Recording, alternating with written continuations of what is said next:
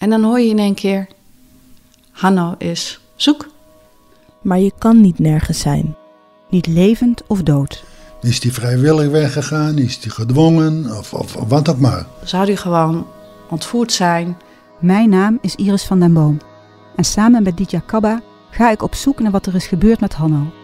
Een doodgewone vader die van de een op de andere dag spoorloos verdween. Hè? Hanno? Hoe dan? Waarom dan? Open Eind, een podcast van het AD. Vanaf 27 mei te beluisteren via je favoriete podcast-app en ad.nl/slash podcast. Willem, voor we beginnen, wil je het ergens over hebben? Ja, uh, terwijl wij deze podcast maken, is er een paar dagen terug weer een heftige mishandelingszaak geweest. Uh, in Amsterdam Zuidoost. Uh, de beelden gaan rond op allerlei sociale media. En je ziet een jongen die door een groep wordt aangevallen en totaal in elkaar getrapt wordt. we weten natuurlijk niet precies wat de aanleiding is. De politie zoekt de daders, maar ook het slachtoffer. dus geen idee wat er is gebeurd. Nee. dus, dus daar wil ik niet te veel over speculeren. Maar voor mij laat het wel zien ehm, ja, waar deze aflevering ook over gaat. Namelijk, hoe ga je nou om met dat soort beelden? Wat, wat deelt de media wel, wat delen ze niet? Uh, de politie die aan de ene kant uh, de daders wil vinden... en dus, dus ook het slachtoffer vindt en zelf beelden deelt... maar tegelijkertijd mensen vraagt om die niet op sociale media te delen... Ja, dat is in dit soort zaken zie je dat toch heel vaak uh, als dilemma wel terugkomen. En, en daar gaan we het volgens mij vandaag over hebben.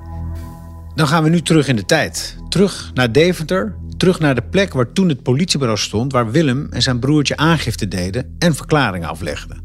En we gaan naar het archief van Deventer. Op zoek naar berichten in de krant over de mishandeling van Willem. Wat werd er toen geschreven? Het waren iets van 15 of 20 uh, jongens en meisjes. Dus het was een grote groep, uh, veel geluid en ja, heel veel dreiging. Je wist gewoon, dit, uh, dit gaat mis. Ze waren allemaal, zo leek het, heel bedreven in vechtsport. Uh, konden goed schoppen, uh, moedigden elkaar aan om dan karate-trappen te maken. Uh, en gingen dus steeds omste beurt, vielen ze me aan. Nee, ik heb niet gehuild. Ik heb ook niet geschreeuwd, ik heb ook niet gesmeekt. Dat was ja, waar ik toen dan een soort flinkheid uithaalde. dat, dat ging ik heel erg benadrukken nadat het gebeurd was. Ja, en dat, dat was voor mij dan om te bewijzen dat ik, uh, dat ik mijn mannetje had gestaan. Dit is Klappen, een podcast van het AD en de aangesloten regionale dagbladen. Aflevering 3, dooie berichten. Waar zijn we? Ja, hier, uh, hier links is het Deventer Archief. Deze gevel? Ja, die, met die groene luiken daar. Prachtige uh, oude. Ja. Ja, een soort grachtenpandjes. Wat is het? Uh, pakhuisjes? Ja, ik denk dat het oude pakhuisjes zijn. Kijk, en als je hier naar binnen kijkt, dan zie je ja, toch een soort bibliotheek. Uh, en hierachter zit dus nou ja, een groot archief, ook met alle kranten van toen. ja, historische stukken. Als we er zijn, is het archief dicht. En we proberen het online. Wat blijkt? Het is met de datum op de vonnissen helemaal niet ingewikkeld om de stukken in de krant te vinden. Willem leest de inhoud van de artikelen voor vanaf zijn telefoon. Nou, ik heb in totaal vier artikelen gevonden uh, die daar toen uh, over geschreven zijn. Uh, en dat begint met het artikel uit maart van dat jaar. Deventer en regio. Ja, dat was de voorpagina van de regionale krant. Uh, en de titel toen was Jeugdbende terroriseert het Oostrik. De groep bestaat uit 10 à 15 jongens en meisjes van tussen de 12 en 15 jaar. Ze hadden het woensdag voorzien op een meisje. is kennelijk dus ook een ander slachtoffer geweest. Uh, en de jongen was vrijdagmiddag langs het Oostrik aan het vissen toen de groep op hen afkwam. Het vriendje van het slachtoffer rende weg. De 13-jarige jongen werd geschopt en geslagen. Dit gaat over jou? Dit, dit ben ik, ja. Hij liep daarbij twee dichtgeslagen ogen op en over het hele lijf blauwe plekken. Bovendien probeerden ze hem in het water te gooien. Dat was dus die... Hè, dat ik mijn, mijn, jas niet nat wilde laten worden, mijn mooie nieuwe jas... en mijn spelletjes kapot wilde laten gaan. Uh, toen kwam zijn vriendje met hulp. Eh, en, maar was de groep verdwenen. En dan schrijven ze ook iets over de getuigen. Namelijk dat de politie op zoek is naar een man en kennelijk een mevrouw die daar rondliep en een hond aan het uitlaten was. Eh, en een man met een sporttas. En zij roepen hen op om in contact op te nemen met het politie. Telefoon 84400. Is er gebeld? Uh, in mijn beleving niet. Dit is opnieuw zo'n moment dat ik zie dat Willem het allemaal niet meer precies weet. Maar het wel graag wil weten. De agent van toen moet erbij kunnen helpen. Willem vertelt verder over hoe dat toen ging. Ik was bij de huisarts geweest. Die had geconstateerd dat ik toch ook echt wel... Uh, had ook foto's gemaakt. En dat ik echt uh, nou ja, bont en blauw, helemaal beurs was. Kon ook steeds moeilijker lopen, kon bijna niks meer zien. Nou, mijn tanden heb ik net over verteld. Het ging ook niet goed. Uh, dus uh, ja, wij gingen aangifte doen. En toen? Nou, die aangifte is opgenomen. En wij troffen een politie die, die, ja, die heel behulpzaam was. En, en direct voor ons aan de slag ging. Maar ook omdat we nog zo jong waren, ons heel erg op het gemak stelden. Uh, dus ja, wij, dit, ja, was een soort veilige plek voor ons. En tegelijkertijd ja, moest ik wel, hè, waar ik het liefst de hele tijd uh, ging zeggen dat het allemaal wel meeviel, moest ik hier toch wel vertellen over wat er nou precies gebeurd was. En dat... Die agent die, die stelde jou dus op je gemak, maar was ook professioneel, want die moest jou echt verhoren. Ja, die moest mij verhoren. En, en niet alleen mij, maar dus ook mijn broertjes en dat vriendje. En ja, die ging op zoek naar, naar ja, de aanwijzingen die wij hem uh, konden geven. Wat vond je daarvan om, om, om zo'n agent voor je te hebben opeens? Ja, ik vond het allemaal heel spannend. En, en ik, ik, het, je moet het dan ook een soort van her, gaan herbeleven. Daar had ik natuurlijk eigenlijk helemaal geen zin in. Dat, dat wilde ik absoluut niet. Uh, tegelijkertijd, ja, als jonge jongen in zo'n bureau, dat voelt dan ook weer spannend. Uh, en ik kan me het moment herinneren uh, van de spiegelconfrontatie. Ja, dat, dat, dan zie je aan de andere kant van zo'n raam zie je een jongen staan die overduidelijk ook bang was. Die het overigens uh, niet bij die groep betrokken was. Want ze hadden al jongens opgepakt? Nou, uiteindelijk bleek een van de jongens in dat groepje... bleek een vriend van mijn oudere broer te zijn. En mijn broer had hem ooit een keer geholpen toen het met hem niet goed ging. Hij kwam kennelijk uit een onveilig gezin. Uh, en mijn broer had hem een paar keer geholpen. Dus toen hij hoorde dat ik het broertje van Dick was... Uh, toen heeft hij direct willen helpen en heeft hij alle namen gegeven. Uh, dus dat was ja, toch een doorbraak in dat onderzoek van de politie. en toen hadden ze vrij snel de daders te pakken. En stonden die toen ook al achter dat, achter dat spiegelglas? Ja, ik heb één keer de spiegelconfrontatie gedaan, omdat dat voor dat was een jongen van wie zij onzeker waren of die, of die had deelgenomen of niet. Uh, en ik wist direct zeker dat hij dat niet had. Uh, Later hebben ze alsnog dan die jongens gevonden? Ja, dus die, die jongens, uh, ja, die, nou, zoals dat artikel van net ook schreef... ze hebben er eerst vier opgepakt en daarna nog een keer negen. En terwijl Willem vertelt, begrijp ik hoe belangrijk het is... om de agent van toen ook echt te spreken te krijgen. Willem kent hem toevallig. Ze zijn natuurlijk collega's geweest.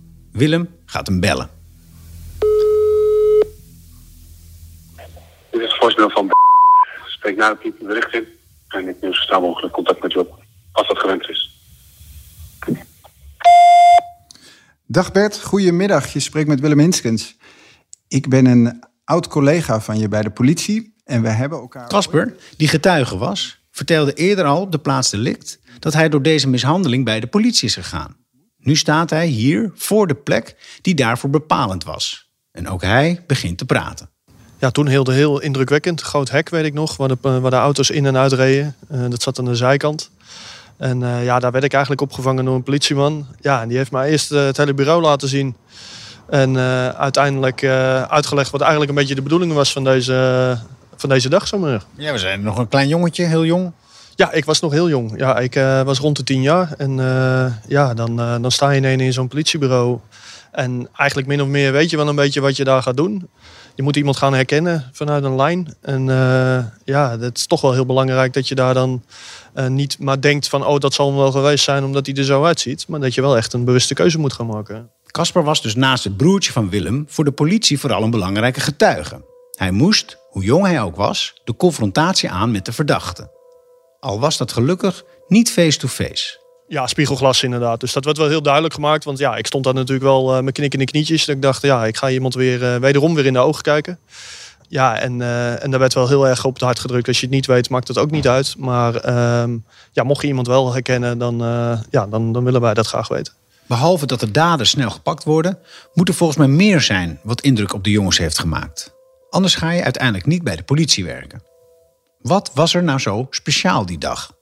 Ik besluit ernaar te vragen. Ja, het is een gevoel van geborgenheid. En het gevoel dat iemand zich om je bekommert. Dat iemand zijn best gaat doen om, om degene die dat hebben gedaan te gaan pakken.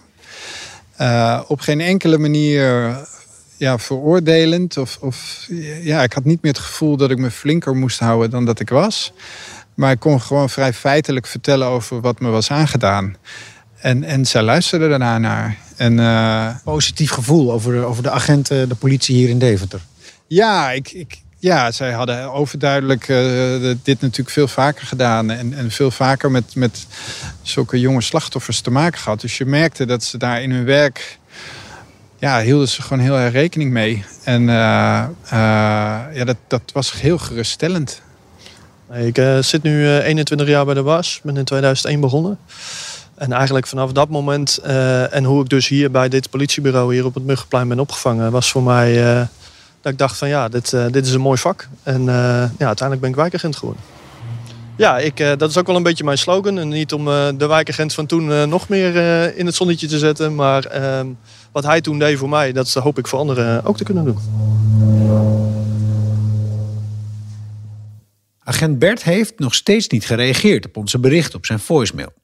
Misschien is het beter als Willem een mailtje stuurt. Dus Bert is een uh, moeilijk bereikbaar uh, mens. Wat heb je geschreven? Dat ga ik nu voor jou erbij pakken. Ik heb geschreven: verzoek om contact. Beste Bert, mijn naam is Willem Hinskens en ik ben een oud collega bij de politie. Ik zoek contact, want ik zou graag eens afspreken. Ik heb je geappt en een voicemail achtergelaten, maar weet niet zeker of ik je goede nummer heb. Ik maak met het AD een podcast over die mishandeling. We gaan op zoek naar de daders van toen. Ik wil ook graag anderen spreken die toen betrokken waren. De politie, jij dus hopelijk. Daarom mijn vraag en verzoek. Kun jij het je nog herinneren en zou je een keer met me willen afspreken om erover te praten? Ik snap natuurlijk dat het heel lang geleden is en dat je alle details wellicht niet meer weet. Maar wellicht weet je nog wel iets over de verhoren. Misschien over hoe ik of een van mijn broertjes die getuigen waren voor je hebben gezeten. De impact van de zaak op jou en op de buurt. Dat soort dingen zou ook heel mooi zijn om met, uh, zou heel mooi zijn om met je over te kunnen praten. De zaak heeft grote impact gehad op mijn leven, zowel positief als negatief. En op die van mijn broertje. Zo wilden we vanaf die dag allebei bij de politie, omdat jullie het zo goed deden en ons zo goed geholpen hebben. We voelden ons veilig en jullie maakten diepe indruk. Ik heb dus graag contact. Veel dank alvast. Heb je mooi geschreven, Willem? Ja, ik hoop natuurlijk dat dit uh, uh, hem over de streep trekt. En terwijl we wachten op een reactie van agent Bert, besluiten we met de door Willem gevonden krantenartikelen naar Rotterdam te gaan. We gaan naar de redactie van het AD, waar journalist Victor Schildkamp op ons wacht. Hallo, wij komen voor Victor Schildkamp. Ja, die ga ik uh, voor je bellen nu. Nog even de naam. Willem Hinskens. Hoi Victor, uh, bezoek is er voor je. Willem Hinskens. Joe, tot zo. Hoi hoi. Willem en ik zijn inmiddels in Rotterdam. We ontmoeten Victor, journalist die al sinds begin jaren 90 schrijft over grote mishandelingszaken. Wat heeft hij in die tijd zien veranderen? Schrijven kranten anders over dit soort zaken als toen? En zo ja, waarom? En natuurlijk, hoe leest hij de artikelen van Willem? Victor Schildkamp. Hallo. Ik ben Harmen. Kom binnen. Hey. Dankjewel. Jullie kennen elkaar misschien? Ja, van duizend keer aan de telefoon en nu is hij er eindelijk een keer. nee, nee hoor, nooit gezien. Waar willen jullie naartoe? Uh, Waar mogen we? Ik zal even, ja, in een hok apart of... Uh... Weten jullie of wij daar even kunnen zitten in dat hok? Uh... Als wel, want ik heb nog niemand gezien daar. Nee? Oké. Okay. Gelukkig. We kunnen gaan zitten in het podcasthok van het AD. Een krappe plek, maar met uitzicht over Rotterdam en Den Haag. waar ik vandaan kom. Vind ik altijd lekker dat we aan deze kant van het gebouw zitten. Oh, kan je het me aanwijzen? Want het is zo... Ja, eh, jij kijkt er denk ik oh. nu net langs. Je kijkt Ja. meer naar Zoetermeer, maar de meer naar links is Den Haag. Ja, ik kan horen dat je uit Den Haag komt. Hey, fijn dat we hier mogen zijn. Misschien voordat we in gesprek gaan, kan je iets over jezelf vertellen? Wat, wat, wie ben je? Wat Ik ben? Victor Schildkamp. Ik ben alweer 55 jaar. Het gaat veel te snel. En ik ben sinds pak een B 93 journalist. Opgegroeid in Den Haag. Geboren en getogen. Ook begonnen bij de Haagse Courant. En ehm, nou ja, die is vanzelf gefuseerd met AD. Ja. En zo ben ik via allerlei banen uiteindelijk bij de nieuwsdienst van het AD terechtgekomen. Maar daar zit ik ook alweer 14 jaar. Ja. Dus eh, lange geschiedenis in de journalistiek. Maar ik wilde ook altijd journalist worden. Dus het is, uitstekend, het is mij uitstekend vergaan. Mooi. En klopt het dat jij met name op het gebied van politie, veiligheid... Ja, klopt, ja, eh, dus Ik journalist... noem mezelf nooit echt hardcore misdaadverslaggever. Want dan vind ik toch wel dat je de Tachys en de Holleders moet volgen. Maar alles wat daarbuiten valt, Ja. dat komt vaak bij mij voorbij. Ja. Ja. dat klopt. En nou, daarom hebben we jou natuurlijk ook gevraagd. Want ja, Ja. ik heb eh, hier voor mijn neus een paar artikelen uit 1994 liggen. Ja. Die heb ik opgesnord in het Deventer archief. Eh, eh, dit waren artikelen die in maart 1994 in het Deventer Dagblad verschenen. Ehm, en ik wilde eigenlijk beginnen eh, jou te vragen, nou als je naar deze artikelen kijkt. hè, dat kop is jeugdbende terroriseert het Oostrik. Dat, Ja, dat is eigenlijk ja, het eerste ja, artikel dat ze schreven over mijn dat dat- mishandeling toen. Neem aan dat dat een wijk is. Ja, dat is inderdaad een wijk in Deventer. En, en eh, nou ja, dat was het eerste artikel dat verscheen eh, toen naar aanleiding van mijn mishandeling. Nou, het valt mij het eerste wat me opvalt is dat er geen foto's bij zijn. Bij allebei die berichten niet. Want er is er nog eentje. Aanhoudingen, mishandeling in Oostenrijk. Dus eerst de terreur en daarna de aanhoudingen. Maar er zit niet eens beeld bij. Het zijn natuurlijk best dode berichten eigenlijk. Hè. Het is gewoon institutioneel, institutioneel opgeschreven eigenlijk. Vanuit de politie volgens mij. Deze kon ik niet zo goed lezen, maar ik maak, me, ik maak me sterk dat hier geen slachtoffers en daders aan het woord komen. Nou, hier wordt kort benoemd, eh, nee, inderdaad niet aan het woord, wordt kort benoemd wat er dan gebeurd is. Ja, en ja, en zit een soort ja. getuigenoproepen in van, van nou, twee mensen die in de buurt eh, zijn geweest en mogelijk iets gezien zouden hebben. En die worden dan gevraagd zich bij de politie te melden. Ja, kijk, als je dit nu ziet, dan zijn dit natuurlijk zieloze en levenloze berichten eigenlijk. Hè? Het is gewoon een mededeling van iets wat gebeurd is, een feit. Eh, er zitten geen verhalen bij van daders, van slachtoffers, van getuigen. Eh, het is, ik denk dat dit, dit, als je in Oostenrijk woont, en daarom stond, stond het waarschijnlijk ook op de regionale pagina's, ja. en eh, dan zal dit ongetwijfeld misschien bekend voorkomen en heel vervelend zijn geweest. Maar dit soort kleine dingen, want als ik het goed begrijp, zijn jullie, gaat het om drie mishandelingen. En ehm, eh, ja, ernstig natuurlijk, maar er zijn geen doden gevallen. Jullie hebben ook geen blijvend letsel overgehouden, voor zover ik weet. Het is allemaal heel vervelend, maar het is eigenlijk gewoon klein lokaal nieuws. En dan ook nog vrij afstandelijk. Geen beeld bij, niks. Dus die, dit komt eigenlijk, als je vanaf nu bekijkt, helemaal niet tot leven, dit. En ehm, dit zou nu, om gekke redenen, bijvoorbeeld als er een filmpje van zou zijn, zomaar landelijk nieuws kunnen worden. Maar dat was toen echt onmogelijk. Want ja, zelfs al zou je er een foto bij hebben, zou het al wat heftiger zijn natuurlijk. Een foto van het gebeuren, maar dat gebeurt bijna nooit bij dit soort berichten. Toen zeker niet. Dan, ehm, want ja, wie liep er nou met een mobieltje rond in 1994? Ik denk niemand. Dus ehm, in ieder geval niet één die foto's kon maken. dus ja, dit komt niet tot leven. Misschien in zo'n wijk wel. Het komt dus ook niet verder dan de regionale pagina's. Maar ja, het is natuurlijk wel eens vaker gebeurd door de jaren heen in het internettijdperk. Dat eh, zodra er een filmpje van is, wordt iets zomaar landelijk nieuws.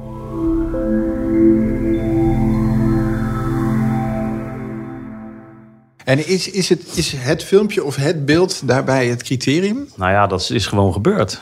Zodra er een filmpje van is, ehm, ja, gaat zoiets ja, letterlijk leven, zeg maar. En dan, dan zie je ook eh, dan zie je hoe schofterig het eigenlijk is om, als mensen in elkaar geslagen worden. En hoe eh, laf. En, hoe, eh, en dan gaat, gaan duizend mensen er op sociale media overheen. En dan kan het, eh, kan het zomaar landelijk nieuws worden. Ik, ik moet zeggen, ik herken dit heel erg. Want bij mij is ook de momenten dat ik het beeld zie, dat ik, dat ik er weer aan terugdenk. Of het was überhaupt het zien van het beeld dat ik dacht, hé, hey, ik, ik moet nog, eh, ik wil nog eens met die daders in gesprek. Dus, Maar het zien voor jezelf bedoel je? Of, nou, eh, als ik, als Oh, ik dus als je de beelden zie, ja, ja, ja. er zijn een aantal voorbeelden in recente jaren geweest van, van zaken waarbij ik ook echt aan mezelf dacht. En dacht van, oh, daar, het is alsof ik mezelf zie lopen. En dat, dat maakt het weer levend voor mij. Ja, en het gaat natuurlijk ook af en toe mis. Hè. Soms wordt er gewoon iemand doodgeslagen. En Ja. dan, ja, dan wordt het zeker landelijk nieuws, is, eh, is, eh, is het geval.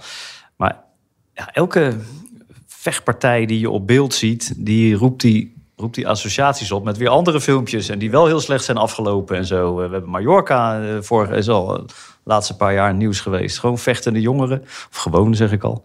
Komt helaas vaak voor, maar hier ging iemand dood. Ja. En dan, En, en hoe ik heb die filmpjes jullie... ook gezien van Mallorca trouwens. Dat ziet er ook gewoon heel... Pas toen ik die filmpjes zag... Ik bedoel, er is natuurlijk iemand dood, dus het heeft al impact. Dat weet ik wel. Maar ik heb twee maanden geleden of zo... voor het eerst die beelden eens een keer gezien. Want die werden al in de rechtszaak getoond. Maar dan was ik op de vakantie. Maar ik heb ze gezien via iemand die erbij betrokken was. En dan zie je eigenlijk hoe stomzinnig ordinair... en Ja. achterlijk vechten eigenlijk is. Ja. En dan zie je ook al in de hoek iemand liggen die dan eh, aan het doodgaan is op dat moment. Dus eh, ja, beeld is, beeld is het grote verschil tussen het begin van mijn carrière, zeg Ja. maar, en, eh, En, en nu? pak een beetje de afgelopen twintig jaar. En hoe gaan jullie als, als, of jij als journalist of jullie als AD dan om met dat soort beeld? Want eh, het is heel ordinair, het is altijd lelijk. En het is ehm, Ja. ehm, ook voor een slachtoffer altijd wel pijnlijk. Want Ja, als je dat jezelf is- zo over zo'n veldje ziet rennen. Is dat, is dat op een gegeven moment... ehm, er is steeds meer door de jaren heen. En zeker toen ik bij de nieuwsdienst kwam hier van het AD in 2009... en de jaren daarna is er echt eh, steeds meer... en steeds ordinairder wordende jacht geweest op... eh, beelden, filmpjes, foto's, alles wat iedereen maar kon maken. Het verscheen ook allemaal maar op social media. Dat gebeurt nog steeds. Maar er is wel een periode gekomen, denk zo 2013, 2014, dat we daar allemaal weer iets terughoudender mee om zijn gaan, gaan zeg maar. Was daar een aanwijsbaar moment voor? Ja, dat, denk ik wel. Tenminste, voor mij, eh, volgens mij was er in... 2000 Ja, ik weet de jaartal helaas niet uit mijn hoofd. Maar ehm, misschien kan je nog herinneren dat dat eh, vliegtuig neerstortte Oh, in jongetje. Libië... met Ja. dat ene jongetje wat het Ja. overleefde. Daar was toen zo massaal aandacht. Een Nederlands jongetje. Er was één overlevende. Was, eh, hoe heet hij ook alweer? Ruben, geloof ik. Er was zoveel massaal aandacht voor. Echt op het ordinaire af. En toen is er echt op een gegeven moment zo'n oproep geweest. Ik heb toen zelf geloof ik ook nog bij school vriendjes van hem gestaan. en Die weer met foto's van hem kwamen en zo van school. Maar toen is er wel een soort oproep geweest en een soort eh, golf door Nederland. Van laten we een beetje normaal blijven doen als Ja. journalisten. We, Ja. we walsen maar over die privacy heen. Maar ja, voor mij is het ook zo geweest. Het is, ja, wij worden ervoor ook voor betaald om erover na te denken. Maar eh, op een gegeven moment merk je wel dat beeld en, en filmpjes en persoonlijke verhalen en zo... die in deze artikelen die je hier voor me hebt gelegd eigenlijk helemaal niet staan... Ja. Eh, ja, eh, die, die, die, die, die, die werden heel populair ook onder journalisten. We, we denderden er maar achteraan, alles wat we konden krijgen.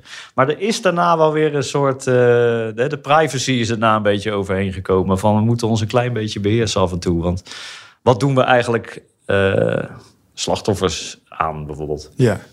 Ja, En, dat, eh, dat- betrokkenen. ja, dat is natuurlijk... Maar daar heeft de journalistiek ook al een paar jaar aan moeten wennen. Ja.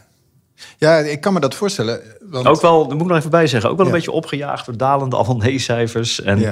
het feit dat we met online iets konden compenseren natuurlijk hè, aan, eh, aan eh, mensen verhalen onder de aandacht brengen. We bleven wel onze journalistieke taak doen, maar er is wel een periode geweest en die grofweg zo'n beetje tien jaar geleden, waarin, eh, eh, tot, ja, waarin we wel, vond ik, zo ver zouden we nu vaak niet meer gaan, Nee. zoals we toen gingen.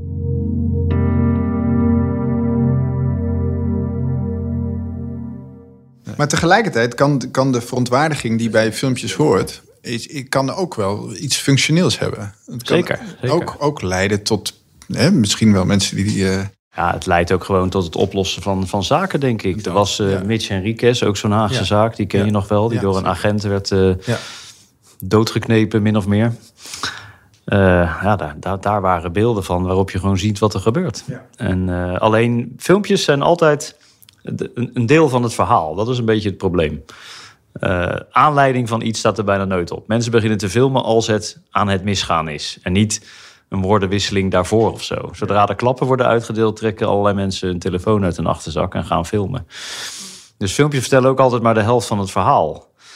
En ehm, eh, met name agenten klagen daar nog alles over, weet je wel. Dan staan ze, worden ze weer ergens gefilmd terwijl ze een eh, demonstrant of zo een paar klappen geven. Maar wat daarvoor gebeurde, dat ze daarvoor aan alle kanten werden belaagd, eh, dat staat er natuurlijk vaak niet bij. Dus filmpjes vertellen wel maar voor de helft van het verhaal. En dat is natuurlijk waar, ja, daar, hè, daar komen wij dan bij kijken. Wij moeten als journalisten het volledige verhaal vertellen. Zoals agenten moeten proberen het volledige verhaal te achterhalen. En, ehm, maar dat, eh, het helpt wel in ieder geval om iets onder de aandacht te brengen. Ja, absoluut. Beelden vertellen meer dan duizend woorden. hè? Het is niet voor niks een cliché. Nou, ik denk dat ik op dat moment niet in staat was geweest om eh, daar eh, met enige distantie met een journalist over te praten. Had je dat gewild eigenlijk? Nou, nu achteraf is dat dus een beetje de. Want de ik weet niet hoe jij, Ja. of jij destijds dit allemaal voldoende vond. Of dat je eigenlijk Nou, ik kan me op vooral- alle mogelijke ja. manieren uh, revanche wilde nemen. Bijvoorbeeld door die gasten te laten aanpakken. Dus bijvoorbeeld door te vertellen hoe erg het wel niet met je is. Nee, ik, heb ik dus niet gevoeld. Ik, op dat moment wilde ik gewoon, zeg maar... Tegenwoordig gebeurt dat wel, hè? Tegenwoordig zie je op Instagram mensen eh, Ja. vertellen... ik ben gisteren in een disco... Laatst weer een of andere BN'er. Ik ken ze niet altijd. Die... eh, oh ja, dat was die jongen die bij Ponius heeft gewerkt. Hoe heet hij ook weer? Dennis Schouten. Oh ja. Die in een discotheek, geloof ik, in zijn gezicht gesneden was of zo. Foto op Instagram, wat mij nu overkomt. Heel veel mensen die de impact ook wel willen, wel willen laten zien. Ook heel vaak niet natuurlijk Ja. slachtoffers, maar ook soms wel. Gewoon om te laten zien hoe erg iets is. Want. Het was eigenlijk ook maar gewoon een incidentje in een discotheek met hem dan toevallig. Ja. Maar het wordt Nee. landelijk nieuws, zodat hij dan even op Instagram zijn gezicht laat zien. En dat zie je wel vaker. Dat zie je ook onbekende mensen wel eens doen. Dit is mijn zoon. En die dan in het ziekenhuis ligt met een blauw oog. Ja, we hebben met Frederike gesproken. Misschien kun je die zaak nog Ja, ja, ja, herinneren. ja. Amstelveen twee jaar geleden. Eh, waarbij haar vader dat op LinkedIn eh postte en vertelde over wat voor enorme vaart dat vervolgens nam. Dat was haar foto met, met scheve neus. Nee, ik, ik kan me niet herinneren dat ik... was dat. Maar dat die man dat heeft gedaan, dat is, daar was ook veel kritiek op volgens mij. Ja, klopt. Maar die zaak en ook die hele, eigenlijk wat Frederike, waar ze voor stond, zeg maar, Ja. kreeg wel gigantisch veel aandacht. Maar eh, ze heeft het niet, ze heeft, ja, op een of andere manier heeft die familie zich dus kunnen, ja, ik noem het maar even afreageren. Ze hebben het in de openbaarheid gegooid. Massale steunbetuiging, verontwaardiging, iedereen boos op de daders. Willem, even eh, heel interessant wat Victor hier zegt. Ben jij niet ook aan het afreageren in deze podcast? Ehm, nou, afreageren niet, eh, want da- dat heeft voor mij een negatieve lading. Eh, maar ik denk wel dat ik, ehm, nou ja, wat hij zegt, hè, dus, dus dat je zoekt naar iets van afsluiting, eh, dat is natuurlijk wel waar ik naar zoek. Ehm, voor mij heeft het nog steeds een soort open eind. En het heeft vooral een open eind omdat ik van veel dingen niet weet hoe ze nou precies gegaan zijn. Nee, er- trad een soort totale stilte in. Nadat het gebeurd was, wa- wa- was het voorbij eigenlijk voor jou. Dat- Ja. En ja. Nu, nu, nu, nu ga je daarin. Dat deel wil je weer eigenlijk... Je wil weten wat er toen gebeurd is. Ja. Maar is het niet, zoals, zoals Victor heel terecht opmerkt... is het niet ook een, iets dieps in jou... wat gewoon nog niet klaar is? Ja, misschien. Kijk, dat, dat, zonder mezelf te veel te willen psychologiseren. Maar het, het, het, is, het zegt natuurlijk iets dat iedere keer als ik zo'n filmpje zie, dat het iets met me doet. Ja, het ettert of zo. Het, Ja. is, het is niet af. Dus en ik, ik denk echt oprecht niet dat ik, dat ik dus de sorry van de daders nodig heb om verder te komen. Ik denk ook dat ik al, al lang verder ben. Dus, dus daar gaat het me niet om. Maar ik ben wel gefascineerd door ja, dit soort zaken. Door wat er gebeurt, door de dynamiek die ontstaat, door hoe verschillend mensen, zowel dader als slachtoffer, er volgens mij mee omgaan. Ja. En ik merk gewoon zelf dat, ja, dat, ik, dat ik de behoefte heb om er, om er nog steeds iets mee te doen. Maar Victor roept ook, werpt ook de vraag op... had het jou geholpen als toen er wel meer aandacht was geweest? geweest? Had je dan die, deze, deze, deze podcast niet hoeven maken misschien? Ja, ik, ik vond dat een. eh, ja, dat is echt een vraag die mij aanzet tot nadenken. Want ik denk dat ik op dat moment dat echt niet had gekund. Eh, eh, dat, dat, daar was het, ja, dat, ik, als ik terugdenk aan hoe ik er toen bij zat, dat was me gewoon echt niet gelukt. Ik had daar niet direct met distantie over mezelf kunnen praten. Ehm, maar ja, meer dan het totaal ja, een beetje doen alsof het niet gebeurd was, eh, had het wel moeten zijn. Dat had me wel echt geholpen. Dus, dus ik, ik, je hebt het ene uiterste van je zoekt de media op en je ten overstaan van heel het land praat je daarover en, en eh, zeg je wat het met je gedaan heeft. En ik heb gekozen voor een ander uiterste, namelijk eh, doen alsof het nooit gebeurd was. Maar was dat wel een keuze? Ja, ik denk op, de, op dat moment had ik niet anders gekund. En ik denk dat mijn ouders ook gezien hebben dat ik, eh, dat, dat, dat dat niet anders kon. Nee, maar het resultaat is dat we er nu nog steeds wel jij mee bezig bent. Ja, het resultaat is dat we nu deze podcast maken. En dat het misschien, ik wil het toch opwerpen, toch had geholpen als je toen meer had kunnen afreageren. Zoals de journalist Victor ook opwerpt, of niet? Nou, kijk, geholpen is dat... dat... Dan was je wel iets kwijtgeraakt misschien. Dan was ik misschien iets kwijtgeraakt, maar ik, ik hoef nu niet meer met iets geholpen te worden. Het is niet dat ik nu nog op zoek naar een soort eerherstel. Zo. Ik, ik wil gewoon, ik ben oprecht nieuwsgierig. Maar ik, ik heb niet meer iets van de daders nodig om verder te komen. Het leven is doorgegaan. Ik, ik, allemaal, dat is allemaal gewoon goed. Dus ik, ik heb niet iets van hen nodig, maar ik ben wel nog steeds gewoon benieuwd. Het is dan ook niet voor niks dat Victor ons gesprek eindigt met de volgende observatie. Je moet natuurlijk gewoon die jongens gaan opzoeken. En vragen van, eh, wat doen jullie eigenlijk hier? Wie zijn jullie? Waarom gedragen jullie je zo? Dat is niet de leukste taak voor een journalist ook. Want uh, je kan ook nog wel eens een knal krijgen. Maar ja, dat zou je wel moeten doen. En terwijl Willem en ik uh, aan het nabeschouwen zijn... krijgt Willem een berichtje van agent Bert. Ja, ik heb een e-mailtje terug van van Bert. Ehm, en nou ja, helaas laat hij weten dat hij eh, zich niet geroepen voelt om een bijdrage te leveren. Oh, hij doet niet mee? Ja, hij zegt: Ik twijfel te erg over mijn precieze rol en mijn bijdrage. Uh, wat is van mij en wat is een afgeleide herinnering, schrijft hij. uh, dus dat is eigenlijk wel heel erg jammer. Oh jee. Ja. Maar hij, hij durft het niet aan, hij is terughoudend. Ja, zo lees ik zijn mail wel. En, en, kijk, voor mij zit er ook wel iets heel belangrijks in. Want hij zegt, ik, ik ken het incident uiteraard. Uh, net als veel impactvolle incidenten die uh, in die jaren in Deventer gebeurden. Zo gaat dat in een klein korps, schrijft hij. Uh, ik weet nog wel dat ik bij de aanhouding betrokken geweest ben. en ook in ieder geval op één moment bij het verhoor van een verdachte of getuige. Ja. En dan schrijft hij dus... Maar ik heb te veel twijfel over mijn precieze rol en bijdrage.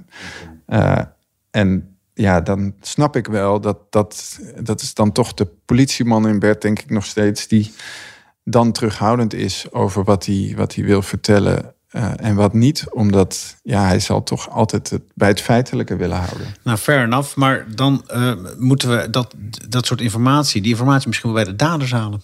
Ja, nou ja, kijk, voor mij is het dus, dus ergens heel fijn dat hij, uh, dat hij de zaak nog kent en dat hij dat ook echt nog wel herinnert. Ja. Dus dat is voor mij uh, bevestiging ergens. Tegelijkertijd vind ik het natuurlijk heel jammer dat, dat, hij, dat hij niet mee wil doen. Maar ik denk inderdaad bij de daders en misschien ook bij de rechter van toen.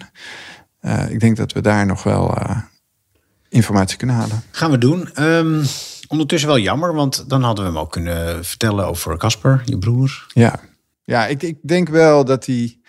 Ja, lijkt mij een groter compliment kun je toch haast niet krijgen. Nee. Dat, je, dat je twee jongens zo geweldig hebt bijgestaan dat ze, dat ze later bij de politie zijn gegaan. Nou ja, dat gaat hij allemaal horen in de podcast. Laat ik het hopen. Ik zie dat Willem teleurgesteld is. En ik ben dat zelf eigenlijk ook. Wie is Bert? Ik had het heel graag willen weten. Maar onze gesprekken leveren ook nieuwe aanknopingspunten op. Hoe gaan andere slachtoffers om met wat hun is overkomen? Frederik uit Amstelveen bijvoorbeeld. Zij werd in de zomer van 2021 ernstig mishandeld. De vader van Frederik plaatste een foto van haar zwaar gehavende gezicht online. En dat leidde weer tot heel veel media-aandacht en steunbetuigingen. De rechtszaak diende onlangs in februari. Tijdens die rechtszaak sprak ze de dader en gaf hem zelfs een hand. En um, aan het einde van de rechtszaak um, was die verdachte ook naar me toe gelopen uit zichzelf. Heeft me ook, uh, heeft, heb, hebben we ook handen geschud en heeft hij ook oprecht zijn excuses aangeboden. Zijn ouders ook. Weet je nog wat hij tegen je zei? Uh, ja, het spijt me heel erg en uh, ja, ik hoop dat het nu beter gaat. Dat hoor je allemaal in aflevering 4, waarin we ook Willem zijn middelbare school bezoeken.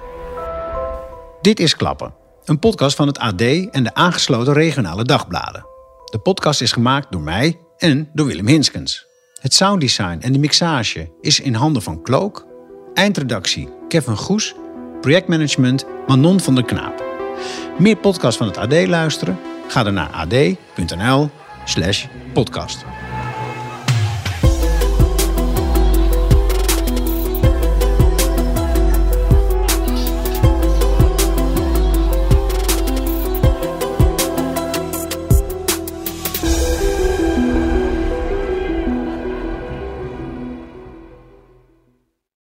Ken je Richard de Mos? Die ooit zo'n succesvolle Haagse wethouder die alweer jarenlang als corruptieverdachte door het leven gaat. Binnenkort begint de rechtszaak. De media spreekt over de grootste corruptiezaak die Nederland ooit gekend heeft. In de podcastserie OO de Mos onderzoek ik, Niels Klaassen, de methode de Mos. Dan haalt hij het op en dan zeggen ze cliëntisme. Ja, wat moet hij dan? Wat moet hij dan? Ik sprak aanhangers, critici, de Mos zelf en probeer antwoord te geven op de vraag welke belangen hij nu werkelijk dient. Netwerkcorruptie. Dan geloof ik niet in naïviteit, eerlijk gezegd. Die van zijn 30.000 kiezers, of toch vooral die van een handvol rijke ondernemers die de partijkast spekken? Beluister vanaf nu OO de Mos via ad.nl/slash podcasts of in je favoriete podcast-app.